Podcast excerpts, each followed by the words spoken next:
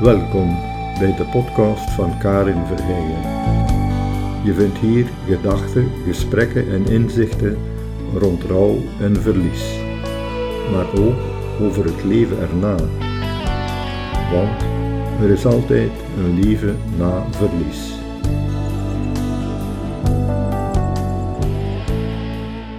Dag lieve luisteraar.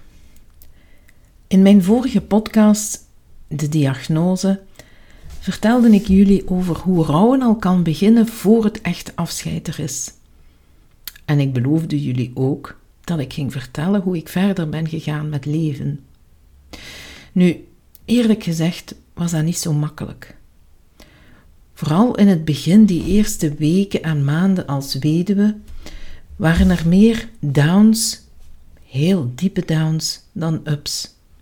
En wat ik vooral raar vond, en ik weet dat velen van jullie dit herkennen, is dat het er voor de buitenwereld precies anders uitzag. Mensen noemden me vaak een sterke vrouw. Ha, een sterke vrouw. Ik was een wrak. Helemaal niet sterk. Maar waarom kregen mensen dan dat beeld van mij? En wat bedoelden ze dan? Wat hield me dan eigenlijk wel op de been? Wel, hier draait de vraag rond veerkracht. En rouwen en veerkracht hebben veel met elkaar te maken. Om nu precies uit te leggen wat veerkracht inhoudt, heb ik een manier gevonden om dit te visualiseren. Als therapeut moet ik ook blijven onthouden hoe belangrijk dat is, die veerkracht, en hoe verschillend voor iedereen. Hoe heb ik dat dan gedaan? Wel, ik zit vaak achter mijn bureau met zicht op de tuin. Ik kijk namelijk graag naar buiten als ik werk of studeer. En op deze bureau staat een pot. Je kent dat wel, zo'n oude pot met pennen en potloden, een schaar in. En rond die pot zijn ook een aantal elastieken gespannen.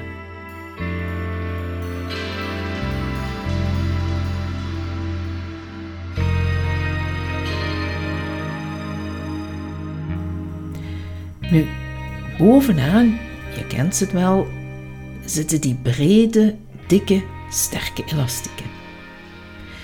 Ze zitten al jarenlang rond mijn potje en ik kan ze eigenlijk op elk moment zonder probleem nog gebruiken. Die symboliseren voor mij mensen met een ongelooflijke veerkracht.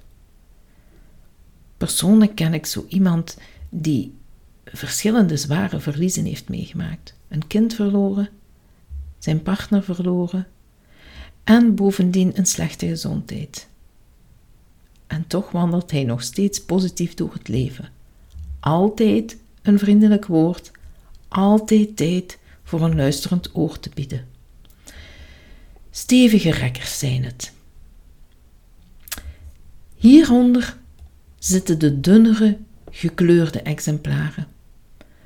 Ze ogen wat fragieler, met wat minder veerkracht, maar slagen er ook na een hele tijd nog in om zich rond die pot te blijven spannen. Volgens mij slaat dit op de meeste rouwende mensen. Het lukt wel om door te gaan, maar het is moeilijk en het vraagt tijd. Meer tijd dan men tegenwoordig krijgt in onze maatschappij. Er is ook één elastiekje, een rode, die er zo wat blubberig onderaan hangt. Hij is zijn oorspronkelijke vorm helemaal verloren. Maar toch klampt hij zich nog steeds vast zonder op de grond te vallen. Moest ik deze elastiek ooit gaan gebruiken, dan zal ik hem twee keer rond moeten draaien of verstevigen met een andere. Dit zijn mensen waarvan de veerkracht wat ondergesneeuwd is. Die hebben wat extra ondersteuning nodig. Bijvoorbeeld professionele begeleiding om die veerkracht terug te vinden. En het laatste rekkertje ligt gesprongen op mijn bureau. al een hele tijd. Ik ruim hem niet op, maar ik laat hem bewust liggen. Het is voor mij heel belangrijk om bewust te blijven van het feit dat er altijd mensen gaan zijn met een gebroken veerkracht. En die mensen, die moeten we met veel zorg, warme zorg omringen, verbindende aanwezigheid bieden.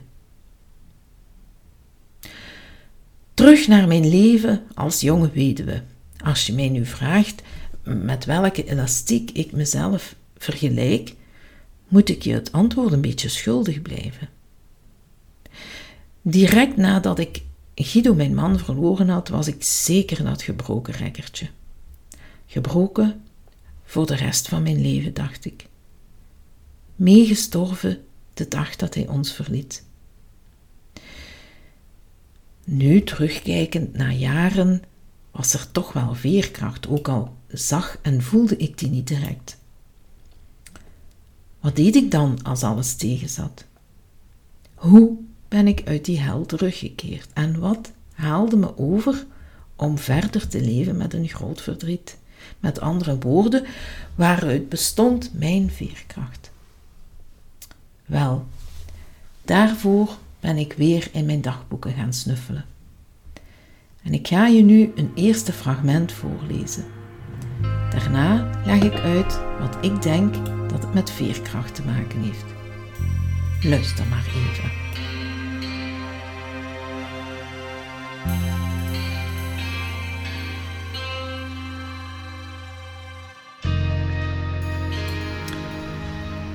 Terug thuis. Mensen zijn bezorgd om me. De begrafenisondernemer, hij knikt bij alles wat ik zeg. De dokter komt met een grote dokterstas. Verstrooid vraag ik: Is er iemand ziek? Uh, dat is voor als je iets nodig hebt, zegt ze.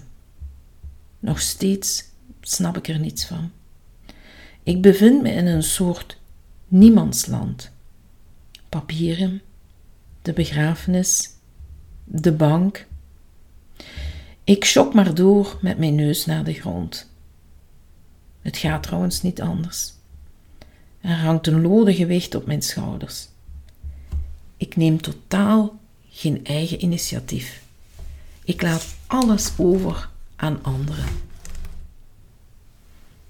Dat was het fragment. Als ik het nu lees, klinkt het als iemand die volledig gebroken was en zo voelde ik me ook. Dus toen ik doorging met het leven, zo goed en zo kwaad als het toen ging, noem ik dat een beetje go with the flow.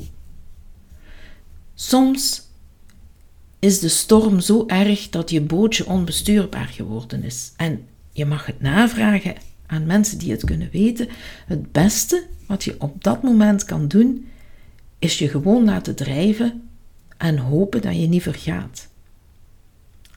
Ik, die altijd moeite had en heb om me te laten helpen, liet de mensen rondom mij maar begaan. Ik moest buigen voor het lot, omdat het lot beslist had. Omdat het leven nu eenmaal doet wat het doet. Het was een beetje doorgaan met moed, maar eerder de moed der wanhoop. Veel keus had ik niet. Het was geleefd worden zonder al echt te leven, maar het was het enige en het best mogelijke dat ik op dat moment kon. Een speldenknopje veerkracht. Een meer krachtig middel dat me overeind heeft geholpen is iets dat er eigenlijk in mijn hele leven geweest is. Namelijk humor. En nee, ik bedoel niet de dijen kletsende moppenhumor, maar het soort humor, en ik weet niet of je dat herkent, dat in een grauwe situatie iets van verlichting brengt. Een van de dingen waar ik trouwens als een blok voor ben gevallen was de humor van mijn man. Wij konden om dezelfde dingen lachen en zelfs op de meest zieke zwarte dagen lukte het ons nog regelmatig om in een lach uit te barsten. Het lijkt misschien bizar, maar voor mij werkte het. Voor mij werkt het nog steeds. Ik zie het ook als een soort eerbetoon aan hem. Zijn nooit aflatend gevoel voor humor kon zo troostend werken. Humor is zeker een onderdeel van veerkracht. En humor mag, ook in rouw. Ik heb daar trouwens een blog over geschreven, die kan je ook eens lezen. Veerkracht kan dus ontzettend veel vormen aannemen. Moest het een soep zijn, kan je de ingrediënten variëren naar gelang jouw voorkeur. Wat binnen in jou doet je voorttaffelen? Wie helpt je? Kan je bijvoorbeeld creativiteit inzetten? Of ben je iemand die vasthoudt aan routine en zich daaraan optrekt? Soms zit het in heel kleine dingen. Vooral op dagen dat het verdriet ontzettend zwaar is omdragen. Misschien zijn er nog facetten van je veerkracht die nog ontdekt moeten worden. Je hebt je veerkracht namelijk pas nodig op die zware momenten. Dus ik ga er zeker nog eens op terugkomen. Als je de andere afleveringen van de podcast beluistert, ontdek je vanzelf hoe de mensen die ik geïnterviewd heb hun veerkracht hebben ingezet. Ontzettend boeiend om te horen en ontzettend divers. Tot slot een klein weetje over veerkracht. Met een beetje humor, want als ik in een sombere bui ben, dan zet ik wel eens op YouTube het liedje van Tijgertje op. Tijgertje is een figuur uit Winnie de Pooh. En zijn lied heet Ik ben Tijgertje en daarin bezingt hij eigenlijk zijn veerkracht. Het pept me direct een beetje op. Tot slot wens ik je ontzettend veel veerkracht toe, maar op jouw manier en binnen jouw tijd. Tot de volgende keer.